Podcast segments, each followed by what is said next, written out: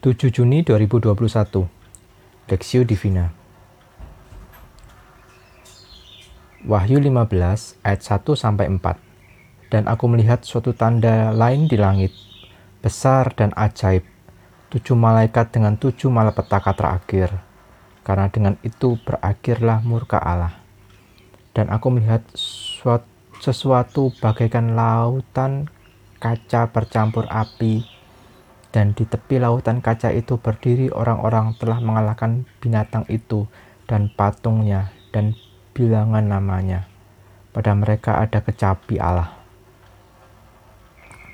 Dan mereka menyanyikan nyanyian Musa, hamba Allah, dan nyanyian anak domba. Bunyinya, besar dan ajaib segala pekerjaanmu, ya Tuhan, Allah yang maha kuasa.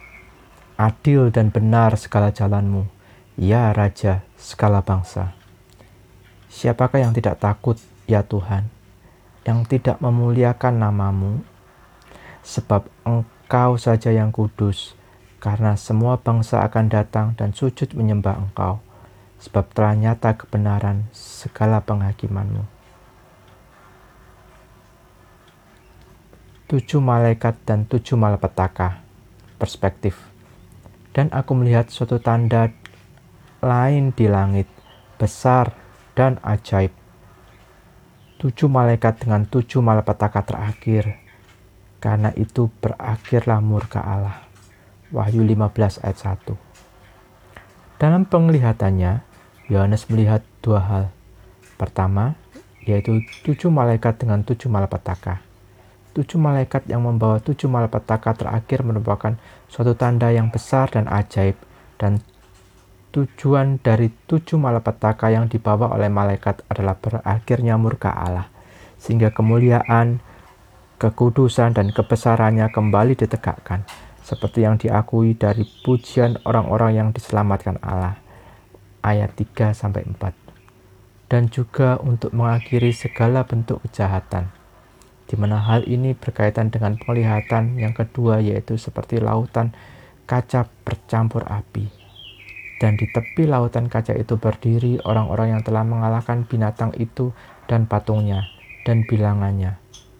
Pada mereka ada kecapi Allah. Ini bukti bahwa kejahatan tidak lagi berdaya terhadap Allah dan umatnya, dan juga membuktikan bahwa kesetiaan dan kemenangan umat Allah terjamin. Puncak dari murka Allah kelak menyatakan penuh kebenaran dan akan mengakhiri semua yang tidak tunduk kepada kebenarannya.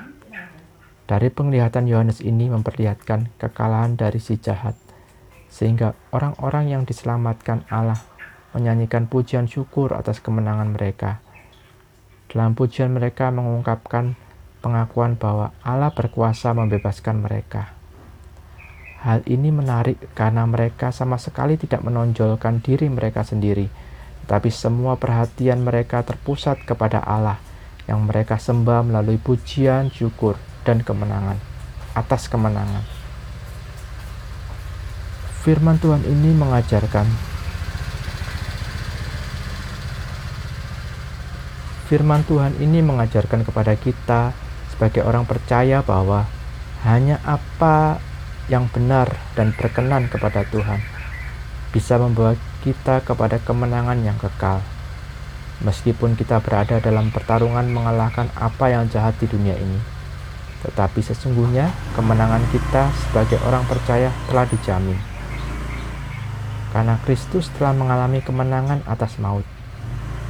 Biarlah segala kemuliaan dan hormat senantiasa dipersembahkan hanya untuk Tuhan saja, satu-satunya jalan kebenaran dan juru selamat.